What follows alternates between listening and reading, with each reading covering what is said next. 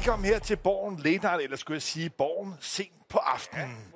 Her fra Vandresalen på Christiansborg. Og den store nyhed, som egentlig ikke er så overraskende, det er, at nu efter 8 måneders tilløb har vi faktisk fået vedtaget hernede for enden af gang i dag en finanslov. Men det store diskussionsemne er, at, og jeg kommer faktisk selv lige derovre fra, over i festsalen på Københavns Universitet, hvor udenrigsminister Lars Løkke Rasmussen her for kort tid siden lancerede Danmarks nye udenrigs- og sikkerhedspolitisk strategi. Og det er næsten formet efter Lars Lykkes eget væsen. Fordi overskriften det er, at man nu fremover skal føre det, man kalder en pragmatisk idealisme. Og det er jo altså to begreber, som umiddelbart skuer lidt mod hinanden. Altså enten er man pragmat, eller også er man idealist. Men i Lars Lykkes tilfælde, ja, der lykkedes det altså at få de to ting til at gå op i en højere enhed. Og i virkeligheden, hvis man skal skralde mange af ordene fra, så kan man jo enten sige, hvad man gerne vil, der skulle ske i verden, eller man kan nøjes med bare at øh, altså, sige, hvad man i virkeligheden gør. Altså bare navigere efter den, hvordan verden er. Og det er meget det, Lykke i virkeligheden er landet på, i stedet for at bygge alle mulige luftkasteller op om, hvad man gerne ville. Som for eksempel forgængeren Jeppe Kofod gjorde, han lancerede noget, han kaldte en socialdemokratisk værdibaseret udenrigspolitik. Det kom aldrig rigtig op at flyve. Nu gør Lars Lykke det, at han i virkeligheden skralder ordene af og bare siger, vi navigerer i den brogede, uforudsigelige og ikke særlig kønne verden, vi nogle gange lever i man skal vel også kunne forsvare Jeppe Kofod med øh, at sige, at han levede i en tid, hvor tingene skete meget hurtigt. Nu, nu synes jeg, det Jeppe Kofod lever dog stadig. Jo, jo, bevarer vel, men, men øh, der skete alt muligt over i Afghanistan, og, og krigen, det skete jo også på hans vagt. Man kan sige, siden Lykke er kommet til, der har vi jo ligesom fået et billede af, hvem er Rusland, øh, der er den her krig i Ukraine, Vesten bakker op, hvad gør vi nu? Og så kan man ligesom flytte stolperne i forhold til det. Øh, og, og det, for det er sådan lidt sådan, man flytter målstolperne i forhold til realiteterne. Og øh, man kan godt tage en lang diskussion om pragmatisk idealisme. Øh, per Stig Møller, mangeårig udenrigsminister, han hævder, det var faktisk ham, der opfandt, øh, opfandt øh, termen. Men man kan sige, pragmatisk idealisme har vel egentlig altid været dansk udenrigspolitik. Vi har jo aldrig været en størrelse, hvor vi sådan kunne sige, at vi er jo bare idealister, og, og vi skal slet ikke tage hensyn til andre synspunkter. Sådan en position har vi aldrig været i. Men man kan sige, og det synes jeg også er det, det måske nye, det er jo, at øh, Europa har fundet ud af, at øh, når man har sådan en konflikt kørende med, øh, med Rusland, øh, jamen, så er der også en anden verden, der kigger på. Der er Asien, og der er ikke mindst Afrika, som er meget tæt på. Og, øh, og der mener de altså ikke øh, måske det samme, som vi gør her i Europa. Og jeg synes også, man kan se i, i, i den strategi, som er kommet frem i, med, i dag, men også som noget, som Lykke har varmet op til i, øh, i store interviews, blandt andet i politikken, så jeg øh, her i, øh, i går, eller var det i søndags, hvor han jo ligesom siger, Afrika, jamen, vi, skal, vi skal lytte til dem også. Og, og det kan godt være, at deres syn på menneskerettigheder og demokrati er noget lidt andet end os, men, men vi, man kan ikke nytte noget, at, at, vi, at vi siger, øh, kopierer vores samfundsmodel, og, og hvis I ikke gør det, så gider vi ikke snakke med jer. Og, og, og, og, det, bare for at sige det hele, man kan sige, ud fra Lykkes position, så handler det jo om, udenrigspolitisk skal være central, vi skal være mere aktive, vi skal have flere venner, og hvem er det apparat, der skal gøre alt det? Det er Udenrigsministeriet, og hvem står i spidsen for det? Det er Lars Løkke. Og det han siger jo også, det er flere ressourcer til Udenrigsministeriet, flere ressourcer til ham. Lars, han ligner en imperiebygger. Det gør han. Jeg vil sige, nogle af de ting, han fremhævede, som jeg alligevel tror kan blive kontroversielle. Det første var netop det her med, at vi skal have flere allierede rundt omkring i verden. Og der fremhævede Lars Lykke i sin tale, at man både under corona, men også under Ukraine har set, at resten af verden er faktisk ikke med Vesten. Man oplevede under corona, at vi udviklede vacciner, som vi måske i første omgang brugte mest i Vesten, og undlod ligesom at stille dem til rådighed. Der er der et rekyl, der er der en payback time nu, når vestlige lande er kommet og bedt altså lande i Afrika, Asien om at stemme for resolutioner, der skulle støtte øh, mod Ukraine, så har de sagt, at vi husker faktisk godt, at I kom jo ikke med den der vaccine, og i det hele taget er der en anklage om, at Vesten kører med nogle dobbeltstandarder. Og det har altså haft den effekt, at man nu har gjort den erkendelse, vi bliver nødt til at få nogle flere venner. Det tror jeg godt kan blive kontroversielt, for det betyder jo, at det er regimer, som har nogle altså, bestialske lovgivninger i forhold til homoseksuelle, i forhold til en lang række ting, ikke mindst i forhold til kvinders øh, ligestilling, som vil gøre det kontroversielt. Så det er ligesom en ting, jeg tror, der vil komme noget skure. Men jeg vil lige bare nævne en anden ting også, som jeg virkelig tror måske indrigspolitisk kan få betydning, det var, at Lars Løkke lagde til grund, at vi fremover skal orienteres meget mod Europa. At det europæiske samarbejde kommer til ligesom at være det rum, vi i Danmark skal læne os ind imod, som, som Løkke siger. Og der er det, at han nævnte helt konkret, at de 10 kandidatlande, der lige nu er, der gerne vil være med i EU, dem skal vi give et realistisk perspektiv Og om man kunne- at blive optaget. Og man kunne nævne nogle af dem. Det kunne være Nordmakedonien, det kunne være Albanien, på lidt længere sigt øh, måske Serbien, men det er også et land som Georgien, Ukraine naturligvis, og et land som Moldova. Og hvis man tager til Ge- Georgien, så ligger der jo også lande som Armenien og andre lande, altså rundt omkring. Måske endda også et land som Belarus, øh, hvis man kan komme, blive ham der diktatoren kvidt, øh, om, hvis der opstår en anden politisk situation. Det er vel det scenarie, man kigger ind i. Og det er vel ud fra en eller anden tankegang om, hvis ikke vi gør det, så overlader vi de lande til, til den russiske hersker, øh, hvem det nu end bliver, øh, Putin eller ham, der måtte efterfølge øh, ham, og, og så vil de være prisgivet dem, og det kan vi simpelthen ikke. Og vi skal ikke regne med, at amerikanerne vil komme og, og hjælpe os. Vi, vi, vi bliver nødt til at, at, at tage, tage, hvad hedder det, øh, vi befinder os i, i den situation, hvor vi bliver nødt til at investere i det her øh, politisk og øh, også økonomisk. Og det bliver vores projekt herfra, og, og det er vel nye toner, i hvert fald for statsministeren, som for en 6-7 år siden, da øh, man havde tabt en, en, en afstemning om retsforbeholdet, sagde, man har lidt indtryk af, at hun kiggede indad. Øh, Og det gjorde hun faktisk også i forbindelse med corona, hvor hun rejste rundt og snakkede med alle mulige andre end øh, måske en, en, en EU-landene for nogle løsninger. Men- men jeg- men, så det vil sige, Lykkes omvæltning er måske ikke så stor, fordi han har jo altid været sådan relativt pro-europæisk, men han er jo, repræsenterer en regering, hvor det er i hvert fald ikke alle sammen, der har været pro-europæisk så meget, som de er nu Jeg synes, det, hele tiden. jeg synes, det er en meget stor pendulsvingning i virkeligheden, fordi hvis du går nogle år tilbage, så er du fuldstændig ret i, at Socialdemokratiets formand, Mette Frederiksen, lå på en opsigtsvækkende kritisk kurs i forhold til EU-samarbejdet, men jo også i optakten til Brexit, altså Storbritanniens udmeldelse af EU, der var der jo en muren i krogene, hvor der også i Danmark her på Christiansborg var partier, ikke mindst Dansk Folkeparti, som reelt foreslog, at Danmark også skulle have en folkeafstemning om udmeldelse. Alle de debatter er lukket ned, men ikke blot, det er ikke sådan, at man er kommet ind til neutral grund. Nej, man er sådan set svunget over nu med Lars Lykkes nye udmelding om, at man skal gå fuldhjertet ind i det europæiske projekt, som ovenikøbet skal udvides. Og det er noget af det, Lars Lykke pointerede i sin tale, det var, at man er også nødt til i virkeligheden at forberede os borgere og vælgere på, at det er den virkelighed, vi kigger ind i, at hvis vi ikke giver en gulerod, hvis vi ikke giver et positivt tilskyndelse til lande som Serbien, Albanien, om rent faktisk at komme fuldt med i EU, ja, så risikerer de at ryge ind i den russiske interessesfære. Og der var det, at Lars Løkke sagde, at han havde ikke nogen køreplan nu, han havde ikke nogen øh, tidshorisont for, hvornår det skulle ske, men han pointerede, at vi som land, som samfund, som politisk offentlighed her, skal begynde at forholde os til, at EU skal altså udvides i stedet for at fragmentere, som vi ellers så Og det næste. er jo en anden diskussion, hvor man jo faktisk havde tidligere, hvor man sagde, at vi skal sandelig ikke have nogen øh, flere med. Og, og der er i hvert fald et land, som jeg har et indtryk af, at der er sådan en meget bred politisk enighed om, at dem vil vi faktisk ikke så gerne have med, nemlig Tyrkiet. Og, øh, og der er det jo heldigt, at Tyrkiet jo har haft valg, og, øh, Øh, og vi ved ikke, om det kommer til at ske i anden runde, men meget tyder jo på, at Erdogan, øh, præsidenten, han bliver genvalgt, og så længe han er spidsen for Tyrkiet, så tror jeg ikke, der er nogen risiko, skråstreg chance for, at Tyrkiet øh, lever op til Københavner-kriterierne for at komme med i EU. Øh, så som nogen har også bemærket, det var måske meget heldigt, at Erdogan øh, øh, vandt, øh, eller kom, ser ud til at vinde det der præsidentvalg. Ja, altså det er måske lige væsentligt at, at lige dvæle ved de her Københavner-kriterier. For det var faktisk nogle kriterier, der blev formuleret her i København for præcis 30 år siden. Det var dengang Anders Fogh Rasmussen var statsminister, og det er i virkeligheden den bare, kan man sige, nye lande Så er det ikke skal- 30 år siden, så er det 20 år siden. Hvad siger du? Ja, så er det 20 år siden. Øh, men det skal ikke skille os ad. nej, men, det men- var, men- men det var det. Der er du ret. men, men der var, øh, jamen det var det jo øh, opspillet. Er det mig, der tager fejl? I hvert fald er det noget, man fejrer øh, også senere her på sommeren i København øh, ved jubilæet. Men lad os lægge udenrigs- og sikkerhedspolitikken men, til side. men, men bare lige en ting, øh, det er jo også, at, øh, at det der med, og København-kriterierne er jo, og det, øh, de, de er jo baseret på en forestilling om, at flere skulle med, at EU skulle udvides. Og så har der ligesom været en, pres, en, en, en, en proces, ikke mindst øh, i, set i lyset med erfaringerne med, at der var nogle lande, man havde optaget, specielt Rumænien og Bulgarien, hvor det ikke gik så godt med integration og med at leve op til de kriterier, mange mente, de var kommet for hurtigt med. Det tror jeg godt, man kan argumentere for. Så derfor har der været sådan en, et pres fra specielt nord vesteuropæiske lande, har indtryk af, hvor man siger, ah, vi holder lige i hesten, vi skal ikke have flere med, før alle er integreret. Men nu virker det som om, at nu er pilen svunget i en anden retning. Nu vil man gerne have nogle flere med.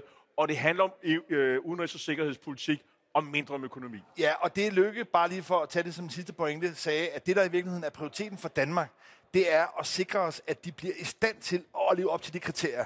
Altså, det er ikke et spørgsmål om, at vi i Danmark skal sidde og vente på, at eksempelvis øh, Serbien, Moldova bliver klar. Nej, det, der skal være prioriteten, det, der skal gøre, at vi investerer, det er, at vi rent faktisk hjælper dem med at blive klar til at komme med. Men jeg synes, vi skal lukke den der, fordi der er andre øh, ja, emner for, på, dagsordenen. For siden vi sendte sidste gang, øh, så er der jo sket det, at øh, der er kommet hvid røg øh, ud fra øh, Jacob Ellemann, øh, med et Facebook-opslag her i sidste uge. Øh, var det i torsdags, tror jeg det var, hvor han siger, at han er klar, øh, regner med at være klar 1. august, så overtager han forsvarsministerposten igen, og øh, partilederposten i Venstre, og så skal øh, Stefanie Lose tilbage og være formand for Region Syddanmark, og, og Troels Lund øh, skal tilbage og være økonomiminister. Og im, im, imellem har, regner alle med, at Troels Lund har forhandlet et øh, forsvarsforlig, øh, på plads. Vi regner med, at regeringen kommer ud med et udspil, måske allerede næste uge, øh, hvilket kommer til at, at tage al opmærksomhed, det er jeg ret sikker på. Men det her kommer ovenpå, Lars, at der var, synes jeg, op til den her melding, en diskussion, hvor det ikke så meget handlede om, hvornår han kom tilbage, men om man hele taget kom tilbage igen. Øh, der, jeg så, der var en, en enkelt politisk kommentator, der var ude og sige, at han mente ikke, at han kom tilbage igen. Og efter at det blev sagt, så var det ligesom om, at så var det ligesom det, vi talte om. Øh, det, og, og, og, og, og måske også sat strøm til en diskussion i Venstre, øh, hvor man jo stadigvæk var på turné rundt og forklare, hvad der var sket i Venstre. Troels Lund og Stefanie Lose. Så kom den her melding, og man kunne ligesom bare høre hjertesukkende i Venstre. Øh, endelig var der en afklaring. Og det betyder vi, at nu, i hvert fald en afklaring, han kommer tilbage igen.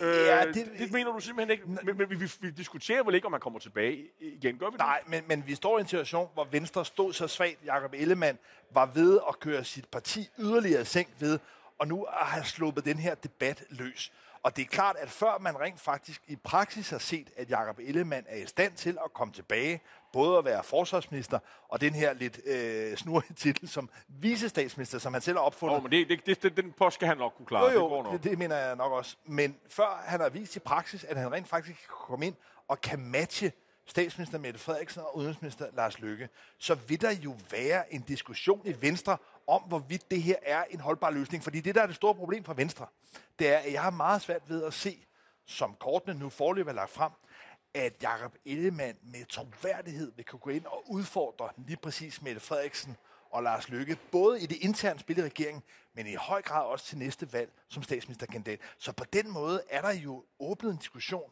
en sårbarhed i Venstre, om det her med Jakob Ellemann som formand overhovedet er en langsigtet løsning. Når jeg siger det, som jeg sagde, at det, det har lukket en diskussion, så har det i hvert fald lukket en diskussion frem til 1. august. Enig. Øhm, så men hvad der kommer efter 1. august, ja. øh, og du har ret i, altså, hvad, fordi nogen vil jo holde øje med, om han brænder sammen igen, og, og hvis der er det mindste til, øh, tegn på det, så starter diskussionen igen. Og så vil jeg umiddelbart sige, at øh, så vil man jo nok ringe til Stefanie Lose og sige, at du skal komme tilbage igen. Og så skal du ikke bare nøjes med at være minister i regeringen, så skal du også være formand for Venstre.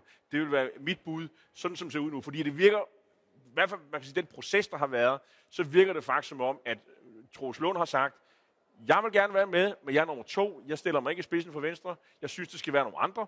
Øh, og, og, og Stefan Lose siger, jeg vil egentlig helst være Region Syddanmark, men jeg er trods alt næstformand for, for Venstre. Og så har man bare kunne bemærke i forhold til de kommentarer, der har været, at det ligesom var hende. Jeg ved godt, det er ikke alle, der er i Venstre, der er begejstret, men de andre alternativer, hvem er det? Man nævner Søren Gade. Og der bare sige, Søren Gade han er meget, meget tilfreds med at være formand for Folketinget. Det er nok det bedste job, han nogensinde kunne få. Og jeg, jeg, altså, og jeg vil også bare sige, altså, jeg ved godt, den forestilling lever derude, og den lever rigtig meget i Vestjylland, hvor de er kæmpe fans af ham. Men jeg, tror bare, man skal slå det ud af hovedet. Han bliver ikke, jo, medmindre at alle de andre melder for fald, og der kun er ham tilbage, så bliver han formand for Venstre. Men der, går, der er nok mange, der skal sige nej, før den ender hos øh, Men jeg, jeg synes egentlig, du står og afkræfter din pointe for før lidt her. Fordi før sagde du, at nu er diskussionen om formandskabet i Venstre lukket. Indtil 1. august. Og så åbner du den igen her ja. ved, ja, jeg er åben ved at nævne Stefan Lose, Søren Gadesved. Min, Jamen, min, pointe er tilfældig, min, at det min, min, min pointe er jo bare, at hvis der han brænder sammen, og det, og det er tydeligt, så starter diskussionen igen. Det var det, jeg sagde. Ja, og den diskussion er, min pointe så bare, den ruller sådan set sideløbende videre. Så på, og det, der måske gør ondt værre, det er, at de problemer, Venstre stod i, da Jacob Ellemann sygemeldte sig, de er reelt kun blevet værre sidenhen. Forstået på den måde, at Venstres opbakning i meningsmålingerne er Det samme. er de samme. Men det er i hvert fald ikke Så det bedre. så det er og, regeringen, og regeringen som helhed, om kan- regeringen som helhed, kan man sige, er styrtdykket. Så det er jo en fuldstændig uærespost. Men, men Lars, Jacob Ellemann men Lars, kan du ikke huske, at vi, da vi stod her i februar, nu, er- nu driller vi hinanden lidt, der, der, der, der sagde vi, tænk nu, tænk nu, hvis meningsmålingerne var bedre. Ja. Og det, synes jeg bare ikke, man kan sige, de har været, vel? Altså, Nej. det, altså, man kan ikke sige, ej, nu ligger de øh, ligger på valgresultatet.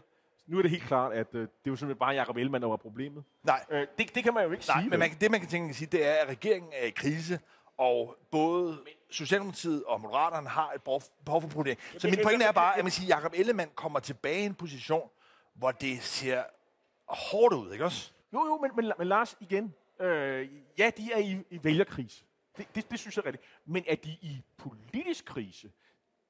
Det er jeg ikke så sikker på, fordi altså, bliver der ikke truffet beslutninger her? Jo, det gør der. Er det sådan, at vi, har, vi kan sådan se, at øh, de slås internt, og, og vi kan bare åbne en dør, og så øh, lidt som et værtshusslag, når der er en, der ryger ud. Og, og er det sådan, at når man går og taler med folk, så, så begynder de at, øh, undskyld mit franske, øh, øh tisser lidt i hjørnerne og, og, og, og, og begynder hinanden?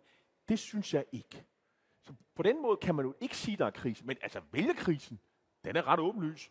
Og den måling, der var her i, øh, i mandags fra Voxmeter, det er nok den dårligste, de nogensinde har fået sammenlagt. Øh, altså, det, det er en, øh, altså, det er jo under, de har ta- tabt mere end 20 mandater. Så, så, så det, det er ret øh, slemt. Men skal vi ikke slutte af med Jo, noget men jeg synes, mere fordi morsomt? nu har du jo altså øh, virkelig hævet øh, Dannebro, hævet øh, altså fanen for det danske sprog. Og så meget desto mere må det jo have rystet dig i din grundvold, da her forleden det grønlandske medlem af Folketinget for Siumut, øh, Akka Mathilda Høgh Dam, hun valgte i sin ordførertale i en debat om rigsfællesskabets fremtid at fremføre sin tale på grønlandsk.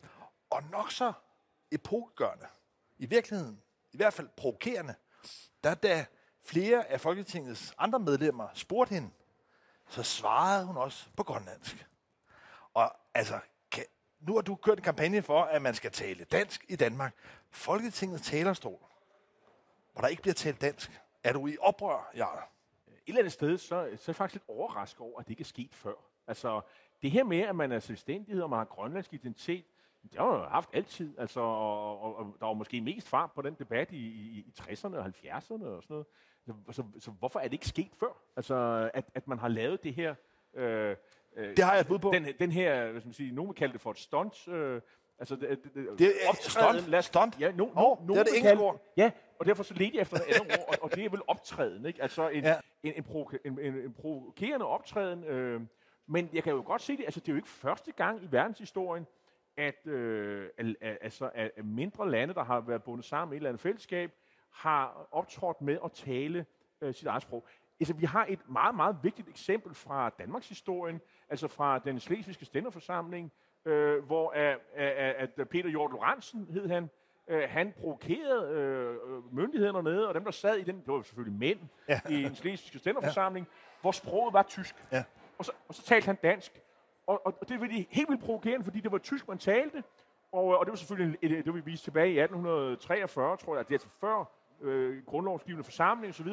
Men, og, men, men det var jo strøm til den debat, der var mellem dansk og tysk i, i Sønderjylland. Og det var... Og, og, og, og, det, og det hæder vi jo. Ja, og- det synes vi var fantastisk. Og det, jeg vil gerne hedre i virkeligheden, Akka Mathilda Høgh Dams du er også, født i, optræden. du er også født i Grønland. Jo, men, men jeg, og jeg vil også sige, forklaringen på, jeg tror, det først kommer nu, det er noget så banalt, trivielt i virkeligheden, som sociale medier. For der er for mig at se ingen tvivl om, at den optræden havde et grønlandsk hjemmepublikum for øje. Selvfølgelig. Og det er klart, at det, jeg synes, det var en enormt stærk øh, optræden. Jeg synes, hun brændte enormt stærkt igennem, og fik jo i virkeligheden udstillet en ubalance i rigsfællesskabet mellem de tre nationer, vi nogle gange er i rigsfællesskabet, og så det forhold, at det ligesom er kutumen, at det kun sker på dansk.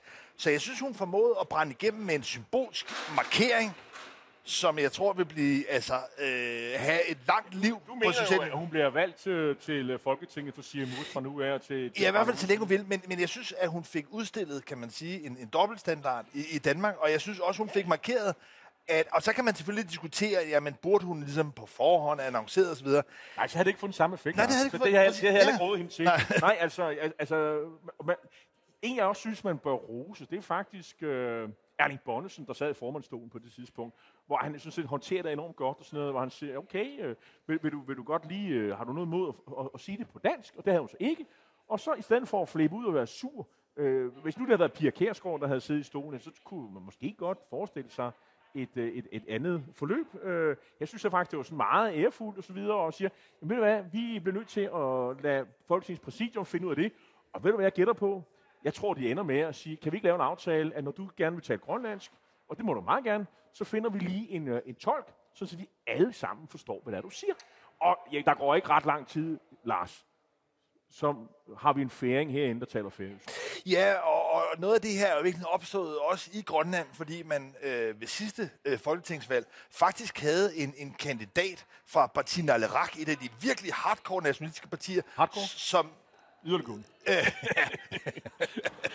øh, forbenede øh, nationalistpartier, som stod til at kunne komme i Folketinget, og han kan ikke tale dansk. Så derfor havde man en situation, det er jo klart, at på en eller anden måde, hvis der var blevet valgt et folketingsmedlem ind, som ikke kunne tale dansk, så var man jo tvunget til at, at oversætte. Nu er man i den situation, at det mere er et tilvalg. Men jeg synes også, det her udstiller, udover at vi har den her altså, øh, kan man sige, sociale medieeffekt i forhold til at profilere sig i Grønland, så synes jeg også, det er et udtryk for, at de grønlandske og de nordatlantiske øh, folketingsmedlemmer i det hele taget måske udstråler et nyt selvværd, en ny selvsikkerhed, velvidende, at når Danmark som land siges at i sådan en bokseterminologi at slå højere end vores vægt, altså en større vægtklasse, så er det jo altså ikke på grund af øh, Bornholm eller Langeland eller alt, nej, så er det i høj grad på grund af Grønland. Altså Grønland giver Danmark, rigsfællesskabet, Ingen- Danmark, kongeriget Danmark, en tyngde, Ingen- og det ved grønlænderne godt. Det er os, der er afhængighedsforholdet er vendt rundt. ingen tvivl om, at øh, den, den grønlandske øh, selvbevidsthed, den har aldrig haft det bedre end, end, lige, end lige netop nu. Også de grunde, du peger på. Øh, så, men, men jeg synes også, der er grund til at, at rose øh, danske parlamentarikere og Folketingets ledelse herinde og sige, vi er meget pragmatiske, vi finder en løsning på det her. Jeg lader mærke til, at Berlingske, hvor jeg jo selv har en tilknytning, skrev en leder om at sige, ja selvfølgelig bliver vi nødt til at sørge for, at de får en, en tolk, øh, og så, så, så løser vi det på den måde. Øh, spørgsmålet er så også, om det næste bliver, at, at, at samtlige lovgivning herinde, det skal oversættes til grønlandsk, øh, øh, og, og vi skal opbygge sådan en kæmpe stor byråkrati for at tilfredsstille øh, de, de grønlandske nationale øh, følelser og sådan noget. Det, det er måske lige tage det for langt, men at, at man kan tale sit eget sprog hen, jeg har svært ved at hisse mig lidt op over det. Faktisk synes jeg jo, at, øh, at man også skulle tale dansk mere her i Folketinget og i generelt hele samfundet. Så jeg, et eller andet sted har jeg sådan set øh, en, øh, en sympati for Aki Mathilda Dam. Men jeg, jeg vil nu afslutningsvis sige, at for mig virker det en lille bitte smule naivt at tro, at man kan løse det her i mindelighed. For der er virkelig stærke nationale følelser, der er stor symbolik på spil. I Grønland arbejder man i virkeligheden med et forfatningsudspil, så vi står over for en forfatningskamp. Jeg tvivler meget på selv, at det ender med øh, hurtig løsrivelse og øh, altså, øh, erklæring af en grønlandsk republik. Så det er ikke fordi, at det her nødvendigvis er noget, der kommer til at ske i virkeligheden. Men symbolikken i det, det er altså noget, der har flere følelser i klemme, end noget, man lige kan klare i Folketingspræsidiet. Og det kunne vi snakke meget mere om, men vi har desværre ikke mere tid. Tak fordi I, tog, I så med her øh, i øh, Borgens øh, sen på aftenen, også kaldet Borgen Late Night. Øh, vi er tilbage igen på, på næste tirsdag.